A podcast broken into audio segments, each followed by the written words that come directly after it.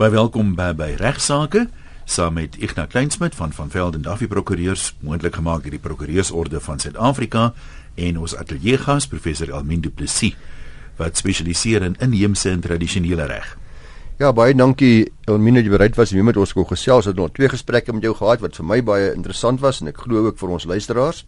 Elmin, luisteraars net vir die van u wat dalk die vorige program gemis het het 'n doktorsgraad in publieke reg by Stellenbosch. Sy het ook 'n LLB uit die aard van die saak en sy dan ook 'n uh, spesialiseer sy by oomblik by die Universiteit van die Noordwes as 'n mede-professor op die gebied van inheemse reg, grondhervorming en sakereg. Doen ook baie navorsing en is duidelik dat sy 'n baie spesifieke spesialiskennis het op die gebied van inheemse reg, veral ook waar dit oor vleuel met grondhervorming en omgewingsreg. Nou, ons het verlede week bietjie gekyk na verskillende aspekte van die inheemse reg. Dit bietjie vir ons gesels oor die erkenning van inheemse reg, waar ons nou staan in die Suid-Afrikaanse uh, situasie.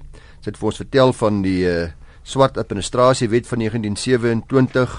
Ons het gekyk na tradisionele leierskap tans in Suid-Afrika, wat die plek daarvan is en hoe belangrik dit is en hoe dit uh, gereguleer word. Ons het gekyk na die Traditional Leadership and Governance Framework Act wat ook 'n uh, belangrike wet daar is en sy het vir ons die ontstellende of baie interessante en skrikwekkende syfer gegee dat daar nog 11 konings in Suid-Afrika is en 830 tradisionele leiers en nog meer as 5000 kapteins. En ook vir ons verwys na wat dit die belastingbetaler kos om hierdie addisionele tradisionele stelsel in ons reg aan die gang te hou.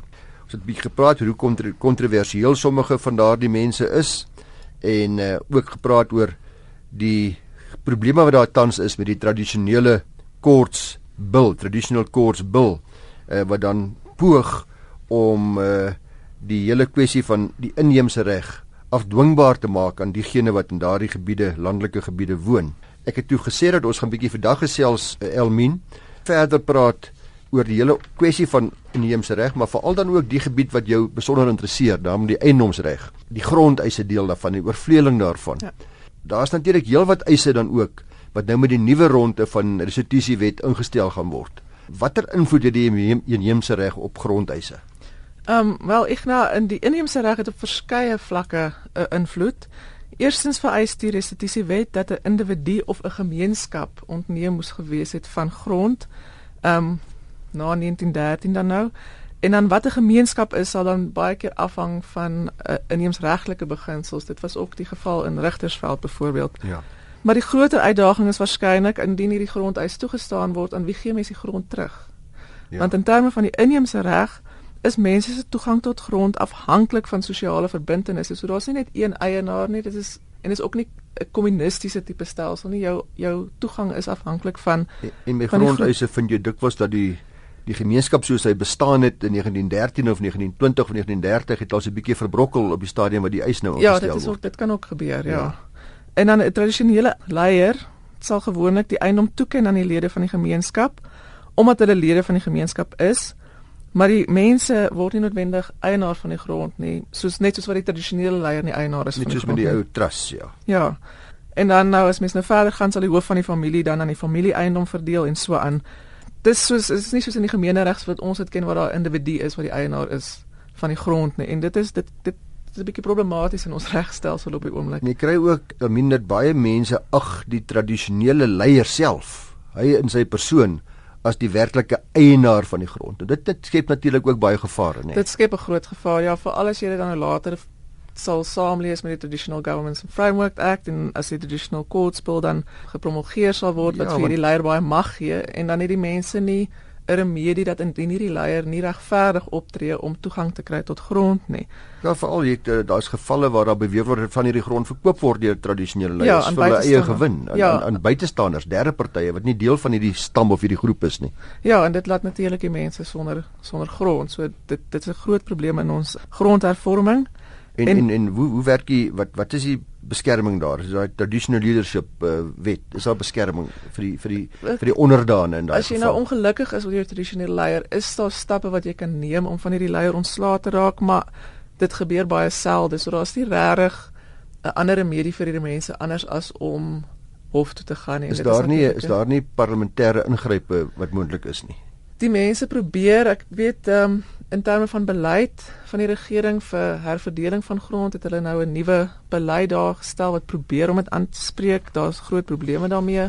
Hulle konsulteer nie met die mense op die grond nie, hulle konsulteer met die mense met die tradisionele leiers. So daar's groot magspelle wat daar aangaan. Um, het die ehm, staatspresident dieselfde magte wat hy byvoorbeeld oor konings het? Om te sê as jy sekere oortredings pleeg dan dan word jy van jou leierskap of van jou koningskap ontneem. Kyk, daar is maniere waar die leiers van ontneem kan word, maar alles maar, word in die wet uitgespel. Ja, maar dit dit dit word selde toegepas. So dit is dit is 'n probleem.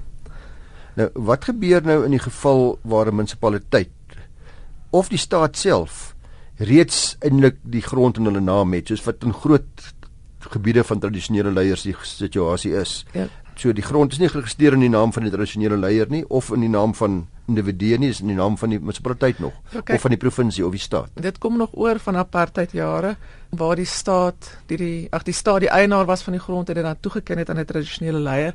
So dan in terme van die formele titelakte sal die staat of die munisipaliteit dan as die eienaar erken word maar word dit toegeken in daai tradisionele leiers gevolge wet of gevolge 'n uh, reëling oor inkomste is dit is dit formeel is dit informeel wil nie sê dis formeel nie, maar daar is maatreëls daarvoor, maar baie van die maat van die goed is nie formeel want baie keer gebeur is gemeenskap skappe kan 'n communal property association stig en dan gaan dit daarin oor. Goed ja. Maar dit is ook nie die, heeltemal dieselfde as 'n tradisionele gemeenskap nie. So daar's probleme daar.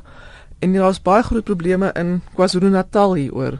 Hiermee byvoorbeeld waar die een munisipaliteit grond verkoop het aan 'n ontwikkelaar maar waar mense in terme van die inheemse reg opgebly het sodat ja. jy hierdie hierdie botsing daar so van die wikkelaar kan in die titel akte en hy is natuurlik nou baas en hy sit die mense af. Ja, in terme van die prevention of illegal occupation kan hy nou die mense afsit want hy is die eienaar.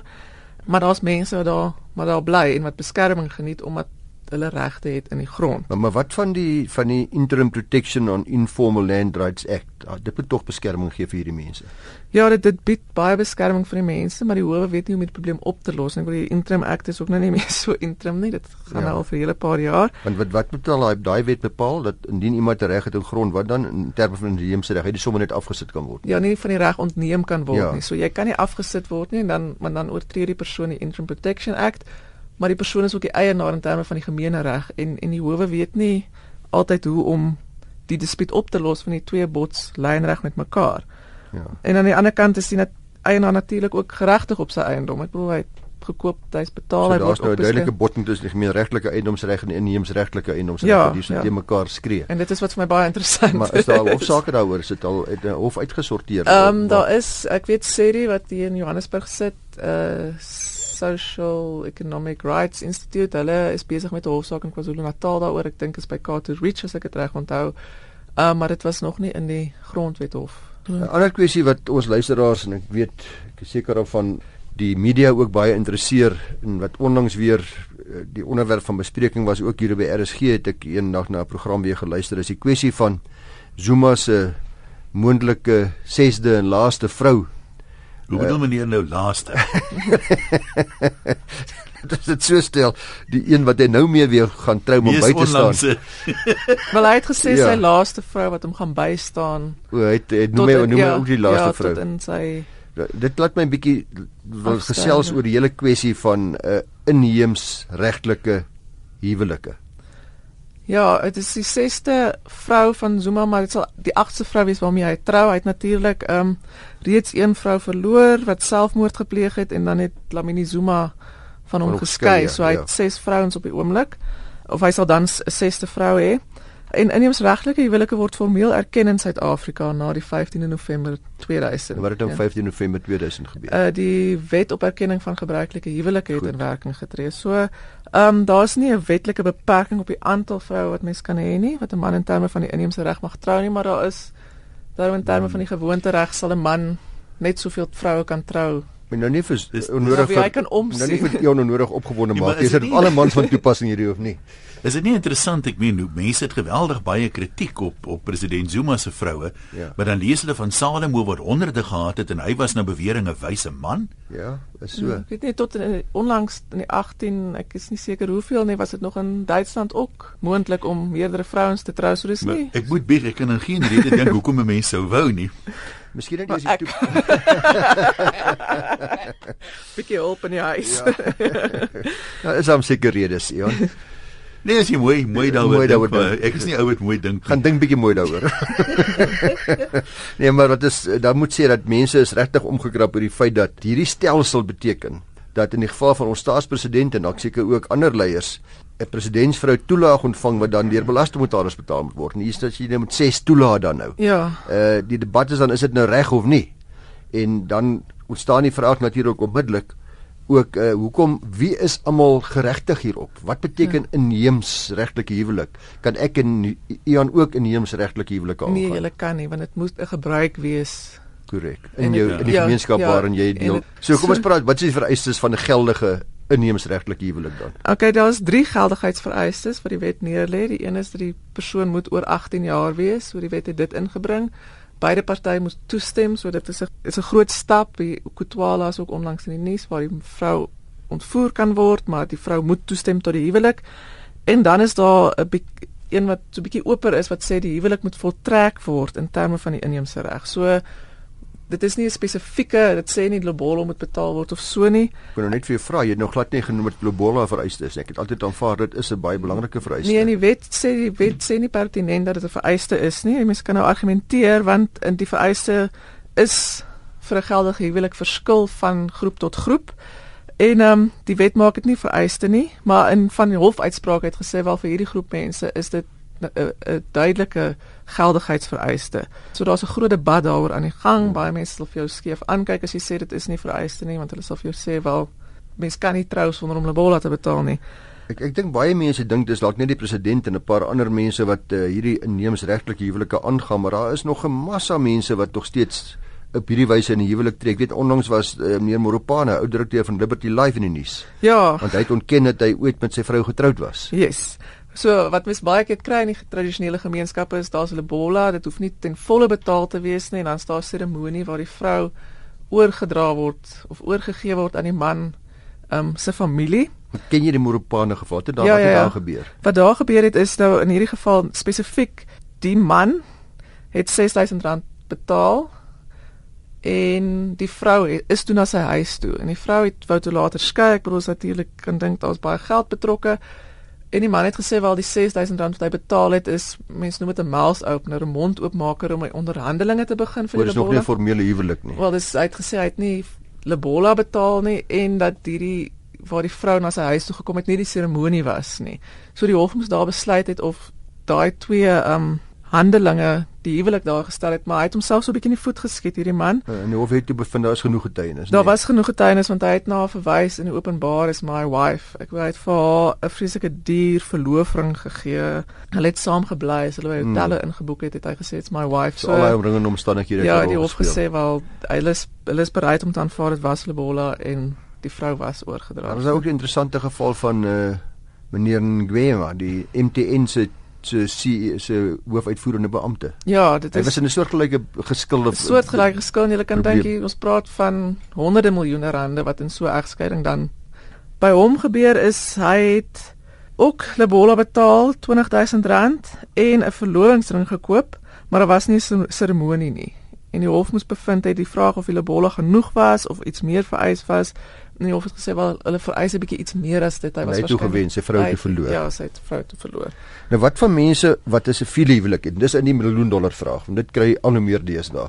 Daar's 'n siviele huwelik, maar dit ook 'n inheemsregtelike huwelik. Hulle het ook lobola ja. betaal en, en uh, daar was ook 'n seremonie destyds gewees en daarna trou hulle nou met 'n uh, met 'n Dit tweede is baie vrou. baie interessant. Ek het baie vriende wat byvoorbeeld so wat sou my geswat het wat sê wel die man sal 'n bolle moet betaal en dan sal ons hierdie seremonie hê en dan gaan ons na die kerk toe en trou ons dan. As die vraag nou is jy getrou in terme van die inheemse reg of het jy nou 'n siviele huwelik aangegaan? En as mens kyk na die howe se uitspraak oor artikel 3 van die wet, dan Dis hoe die wet op erkenning van Ja, gebruikelike huwelik. Die wet nee, op ja. erkenning van 'n gebruikelike huwelik. Dan kan mens aflei dat die hof gewoonlik sal kyk na of die lebola betaal is of daar 'n seremonie was. Um en waar die siviele huwelik vroeër die tradisionele huwelik sou troef het, sal mens daar kan argumenteer wel is die tradisionele huwelik eerste plaas gevind het is dit die geldige huwelik. Dit maak nou maak natuurlik nie baie groot verskil in 'n monogame huwelik nie want die gevolge is baie dieselfde. Maar ek wil Behalwe as jy siviele huwelik dan nou 'n uh, huweliksvoorwaarde kontrak het, nê, nee, met Ja, uh, met uh, en allerlei ander Ja, huweliksvoorwaarde kan- bedelinge van toepassing maak. problematies wees en as die man dan nou later sê hy gaan met 'n tweede vrou trou want hy's in 'n tradisionele huwelik en jy was onder die indruk jy was in 'n siviele huwelik kan dit natuurlik tot 'n uh, huweliksprobleem. Maar as ek jou reg verstaan dan sê jy die howe se soos jy die howe verstaan sê hulle dat die eerste huwelik sal eintlik dan die geldige huwelik Ek wees. vermoed hulle sal dit doen, ja, omdat die twee gelyk geag word en dan in terme van gewone regsreëls wat eerste in tyd is sal wees wat geld. Sou jy sê Elmien daar is nog baie mense wat in terme van die inheemse reg leef en, en wat dink jy is die toekoms van inheemse reg en ek gaan dadelik vir jou net sê dat dink jy nie die moderne jong mens wat van 'n landelike gebied af kom en in die stad kom woon en werk en dan weer teruggaan nou en dan huis toe wil hy wil hy of sy nog regtig vir al die vrouens wil hulle nog regtig onderworpe wees aan die inheemse reg is inheemse reg nie maar net 'n bietjie van 'n politieke foefie geword nie. Is dit nie is dit nie 'n ding wat maar net probeer stemme werf van tradisionele leiers in hulle gemeenskappe nie? Is dit nie iets wat in die uitsterf is nie? Wel van die stoel waar ek sit, nou ook nog my goed waarmee ek besig is, sou ek sê dit is definitief nie besig om uit te sterf nie. uh, Statistiek toon dat daar ongeveer 18 miljoen mense is in Suid-Afrika wat leef in terme van die inheemse reg. Maar wat hulle self gebonde ag aan die inheemse. Hulle Ja. bly in daai gebiede, dit verstaan ek, maar beskou hulle self gebonde aan inheemse reg. Dis ja, is statistiek wat ek gekry het. En dan moet ons ook onthou dat inheemse reg nie staties is nie. So dit is baie keer ook moeilik om te onderskei tussen tradisie en inheemse reg. Ek het baie interessante gesprekke met van my studente in die klas gehad hieroor byvoorbeeld waar daar 'n soete meisie van Sebokeng gesê het, maar sy doen nie meer hierdie goed, né? Dan sê ek vir haar sê, maar gaan jy hulle bol af verwag as jy trou? Ons sê ja, soos ek sê maar gaan jy seremonie verwag? Ons sê ja, natuurlik. En die Zulu meisie het gesê wel as my man meer as een vrou wil trou, dan staan dit hom vry. So mense sien dit nie noodwendig so tradisioneel soos altyd nie, maar dit is dit word ehm um, aangepas, né? Is dit nie meestal net beperk dan net tot die huweliksreg nie? Dit kan wees, maar dit dit verskil van mens tot mens, soos party mense maar meer tradisioneel is as ander mense. Want want ek dink jy sal saam sien tradisie moet 'n aanvaarding hê in 'n gemeenskap. Ja, sien Voor voor 'n mens jouself aan sanksie gaan blootstel, moet jy eers die tradisie aanvaar. jy die tradisie wat regsreël word, so wat ek Ja. altyd vir my studente verduidelik, is die tradisie wat aanvaar is en wat dan 'n sanksie het as jy dit nie volg nie. So nie alle tradisies is reëls nie en dit dit raak partykeer so 'n bietjie grys. maar ek dink daar's 'n baie interessante toekoms vir die inheemse reg. Die grondwet hof se uitspraak dat dit die lewende inheemse reg is wat erken word, beteken ook dat ons regslei ander Maak. Ja, ons 'n bietjie tools, ons 'n Hmm. bietjie ander tools kry waar waarmee ons hierdie goed benader en dit gaan veral baie belangrik word, is internasionaal baie belangrik wanneer dit kom by natuurlike hulpbronne, ook die grond, natuur en so aan. En baie van die natuurreservate word deur tradisionele leiers beheer. Ek weet nie of julle dit bewus is daarvan nie, veral daar in die ou Wenda. Party natuurlik baie meer de- demokraties as ander. En dan is daar ook groot sprake in die in die parlement op die oomblik die Communal Lands Right Act wat ongrondwetlik verklaar is moet vervang word. Dit gaan eiendomsreg van grond. Toegang tot grond ook Ja. beter beheer, nê? Nee, Beheer, ja. Dis die poging gewees. Ja, en so ek dink daar's baie baie interessante ontwikkelings wat in die volgende paar jaar gaan plaasvind. Nee, Almien baie sterkte aan jou en al die ander uh, mense wat by die universiteite is en wat hierdie uh, reg laat lewe en wat dit vir ons kinders oordra en vir ons studente oordra. Ek dink soos jy reg sê, daar's 'n interessante toekoms van inheemse reg en baie sterkte met die goeie werk wat julle ook daar doen. En baie dankie. Ons gaan met die volgende gedeelte luisteraars gaan ons uh, algemene navrae hanteer. Baie dankie. Ek nou is er nog so 'n paar minute oor in die tweede deel van vandag se regsaake. En jy sê ons gaan 'n bietjie na algemene vrae kyk. Waaroor praat ons? Ja, ek het 'n briefie gekry van uh, Marlies. Sy sê sy het onlangs my boek gekoop wat sê die prokureur sy self spesifiek belang in die saamwoon ooreenkoms. Dit duidelik sê wil haar eie ooreenkoms aan- opstel. Sy sê ek en my partner woon al saam vir 6 maande en na 'n 6 jaar verhouding. Dit is geen kontrak of ooreenkoms huidigelik nie. Ek is besig om so 'n ooreenkoms op te stel, maar wil net weet of ons 'n paragraaf in die ooreenkoms kan sit dat ek 'n sekere bedrag kry indien er iets sou oorkom. Ek's nie huidigelik in sy testament nie. Dan vra sy is 'n kontrak geldig as jy sou sterf of is net 'n testament geldig? Daar is nie 'n eenvoudige oplossing vir haar probleem nie en dis nie dis omdat altyd nog 'n bietjie uh, gevaarlik is om om feite in te druk in 'n ooreenkoms wat standaard net as 'n voorbeeld gegee is in in soos in die geval van my boek. Maar dit is so haar aanvoeling dat 'n kontrak dat iemand iets gaan erf is contra bonus mores. Dis onafdwingbaar. Aan die ander wyse ek wag nie 'n kontrak aangaan sê dat jy gaan iets my erf nie Jan terwyl ek niks in jou verskuldig Hulle sal dus in hierdie van haar geval sal hulle dus uh die betaling vir iets by afsterwe of die bedrag nie aan afsterwe kan koppel nie. Uh hulle kan byvoorbeeld bepaal dat 'n sekere bedrag ontvang geword by beëindiging van die saamwoonooreenkoms. Anderswoorde as watter rede ook al beëindig word wat nie afsterwe is nie, dan is daar geen fout meer om te sê my man gaan dan my of my saamwoon vriend onderneem om my miljoen rand te betaal op die stadium wat die samewoning beëindig word nie. En hy gaan dit so en so en so betaal nie. Dis 'n een moontlikheid. Maar onthou ook dat dit gaan natuurlik nie vir hom net so aanvaarbaar wees waarskynlik nie, maar daar moet ook 'n teenprestasie wees om te verseker dat daar nie skenkingsbelasting is nie. Want hierdie word nou 'n suiwer skenking. As ek teen hy ooreenkoms mooi verduidelik wat die eisoorsaak is waarop ek geregtig is op hierdie miljoen rand by beëindiging. Byvoorbeeld, ek het my werk laat staan om saam te gaan woon. Ek maak 'n bydrae tot die tot die kos en die klere en die huishuur of wat ek nogal dit mag weet. Nou as gevolg van al my verskillende bydraes moet daar aan my 'n terugbetaling plaasvind. Anders gaan ek 20% skenkingsbelasting op daai bedrag betaal na beëindiging van die saamwoonooreenkoms wat 'n reuse bedrag gaan wees. Moet die geldwaarde wat 'n mens daar plaas soort van markverwant wees want dis moontlik jy kan nou sê dis vir wat ek bydra, maar dit kan oor 5 jaar kan die verhouding beëindig word of oor 5 maande. En daai as jy nou 'n vaste bedrag daaraan koppel kan 'n mens nie dan sê maar dis daarom buitensporig vir 5 maande sê help. Dit kan enige bedrag wees en dit word nou gewone skenkingskontrak. Aan die woorde ek gaan vir jou daai bedrag gee teen teen is niks verhoed vir my en vir jou te sê ek gaan vir jou 20 miljoen rand gee. Gelukkig het ek dit nou nie, maar gee uh, volgende week omdat ek so baie van jou gesig en jy so baie mooi met my is met die radio nie en uh, ek hoef daar hoef nie 'n eisoorsaak te wees nie. Hierdie is 'n kontrak. Dit is 'n skenkingskontrak waarop belasting betaal gaan word, maar daar moet beslis 'n verhouding wees om skenkingsbelasting te vermy op die bydrae wat ek gemaak het ek sien, teenoor ja. die nou die meer die meer maklike ene in haar geval sou wees as dit so sou wees. So om te sê dat as ook geen fout om te sê dat indien jy te sterwe kom ek 'n uh, eis teen jou sal hê vir 'n sekere bedrag, watter bedrag ek aan jou geleen het of voorgeskiet het of bygedra het nie. Met ander woorde, ek het dit en dit en dat gedoen vir jou. Jy skuld as gevolg daarvan vir my hierdie sekere bedrag, maar dit sal eers op eisbaar wees op datum van afsterwe. Dis nou nie meer 'n erfenis nie. Dis nie 'n 'n erflater nie. Dit word nie gekoppel aan betaling by dood nie. Dit is net die op eisbaarheid wat nou eers by dood plaasvind. Aan die ander woorde, nou het ek 'n eis teen die boedel en natuurlik kan die uh, is is 'n kontraktuele eis weer eens gebaseer op 'n kontrak. Van jy skuld dit vir my, dis 'n lening of dis op watter rede ook mag wees, maar daar moet 'n behoorlike agtergrond wees vir hoekom dit aan my verskuldig is. So 'n uh, 'n ander opsie natuurlik wat 'n wat 'n wat ek sou voorstel vir is 'n lewenspolis. Geen probleem daarmee nie. Niks verhoed my om vir enige persoon of, of ek jou ken of nie ken nie om te sê Ian, ek gaan 'n lewenspolis uitneem op my lewe en as ek eendag te sterwe kom, gaan dit aan jou uitbetaal word. Daar hoef nie 'n nee, kausa te wees nie. Jy kan hom dadelik die begunstig te maak. Daar hoef nie agtergrond te wees daarvoor nie. Ek kan jou die begunstig te maak.